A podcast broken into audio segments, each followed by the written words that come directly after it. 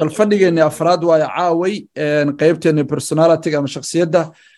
Waxaa marka joognaa caawa a ocean qaybteenni a ayaa joognaa. Waa agreeable waayo marka. Waynu sharaxaynaa marka hore si dulmaryo ah. Kabacdi ayaa detailsna u gelaynaa marka slideka xiga. Marka agreeable waxaa la dhahaa dadka aan dhibka badnayn. Dadka dadka wax ku raaca fikradaha nolosha shaqada xiriirka dadkaas ayaa la dhahaa.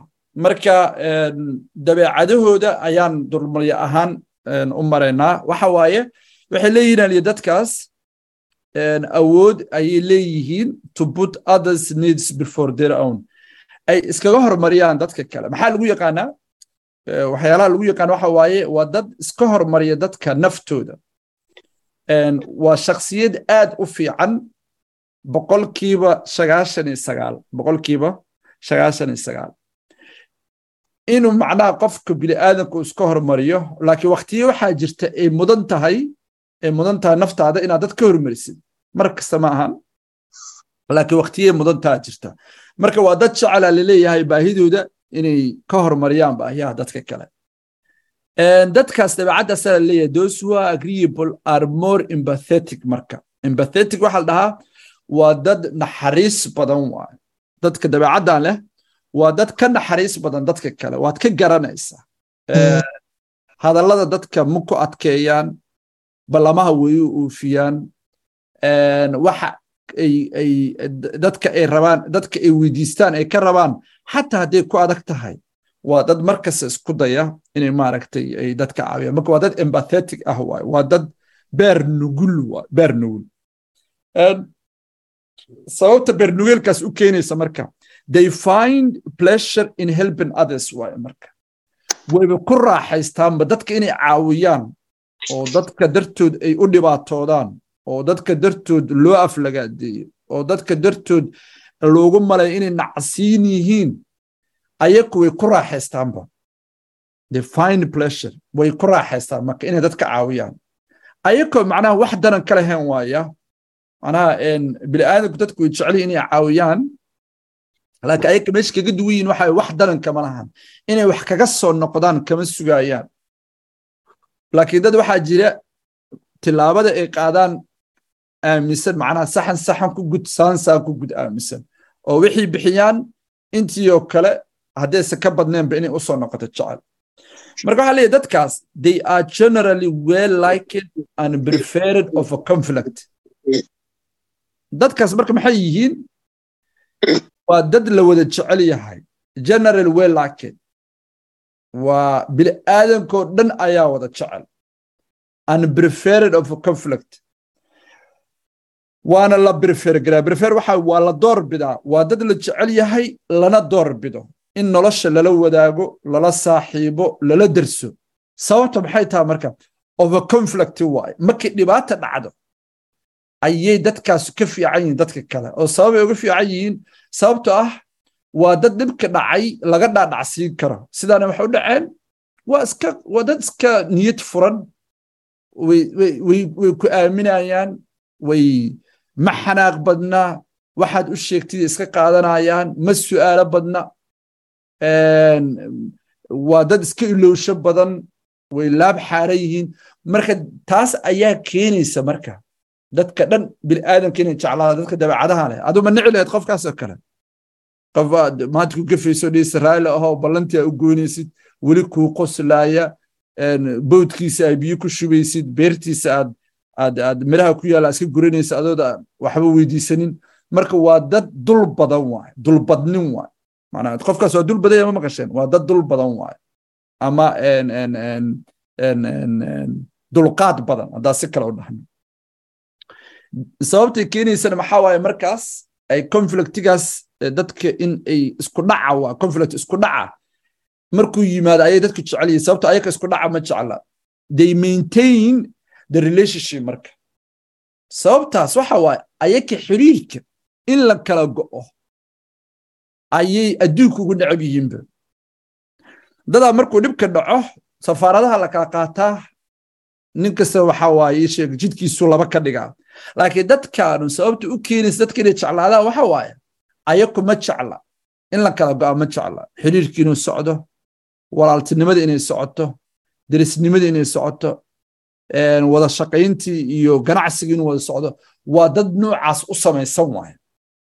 Meesha dadka kale ay bilcagsi yihiinoo waxa waaye ganacsi lagu kala tegayo lacagtii ayuutada la kala ceshanayo ninkii naagtii u furayo naagtii ninkii ay bacdi macnaha madooba u tuurayso waa waa katastrof waaye dadkaas. Marka ayaku dabeecaddas maahan xiriirka iyo qiimayntan iyo isbarashadan iyo wejiga wejigooda basaboor waa dad kala dhaha waaye wejiga waa basaboor dadka aaminsan waaye. Marka intan waxa waaye waa qaybta koowaad oo sharaxaadii guud. Hadda sifooyinna lama siinin sharaxaadii guud waaye. Dadkaas waxa ay yihiin ayaa meelo nagala tusay.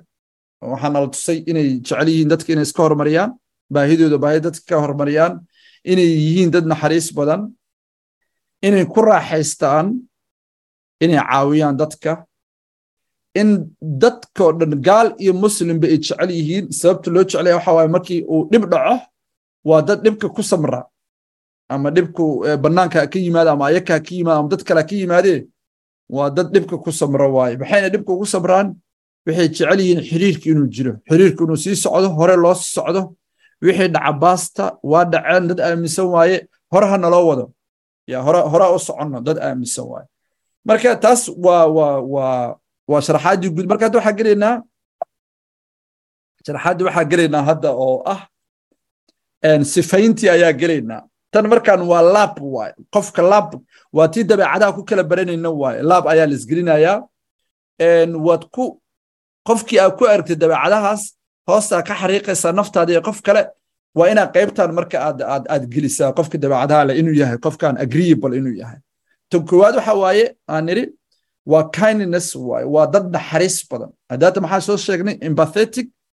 Iyo kindness waa ereyada ingiriiska xoogaa micno yaray ku kala duwan yihiin laakiin soomaaliga isku micno waayaba. Empathetic iyo kind waa isku micno. Ma kind hadda waxa waaye waa naxariistii ereyga naxariistii tooska ahayd waaye laakiin empathetic waxa waa beer nugeyl waaye qofka dadka beerka nugul ayaa la dhahaa ama saqiga af soomaaliga meesha lagu dhaho.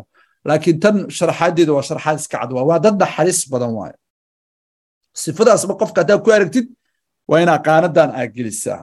Qaanadan inaa gelisa waaye maxay kaloo leeyihiin? Collaboration waxa la dhaho ayay leeyihiin. Wada shaqayn. Waxay jecel yihiin wada shaqaynta. Sababtoo dadkaanu dhib kuma aha dhib kuma aha inay bulshada la shaqeeyaan. Sababtoo aya kuma dhib badna hadduu dhib yimaadana waa dad u dulqaadan kara waaye marka inay bulshada dhex galaan oo bulshada ay la shaqeeyaan ama ay la ganacsadaan ama ay guursadaan ma ahan dad ay dhib ku tahay ma aha. Waa collaborationkay jecel iyo wada shaqaynta sifada saddexaad waxaa waaye waa collegiality waaye ama collegiality sidaa hadba ugu dhawaaqdaan ereygaas waan idin dhahaya erey ingiriisa oo soomaaliga lagu kala saari karinaa jira. Hadda collaboration iyo collegiality waa isku micne. Waxay ku kala duwan yihiin labadooda waa wada shaqayn waaye marka collaborationka waa wada shaqaynta labada qof ka dhaxaysa waaye laakiin collegialityga waxa waaye wada shaqaynta mid dowladeed ama mid shirkadeed ka dhaxaysa waaye waa waa kolligii oo laga dhigay waaye verb laga dhigay waaye. Macnaha haddii ay tahay xaafiis haddii ay tahay isbitaal haddii ay tahay bangi haddii ay tahay dowlad haddii ay tahay iskuul waa wada shaqayntii oo ballaaran waaye. Tan waa wada shaqaynta labada qof noqon karta waaye. Collaboration laba qof wiil iyo maxaa ladhahay iyo hooyadiis nin iyo naagtiis laba qof oo derisa waa mid aan lahayn system waaye collaborationka.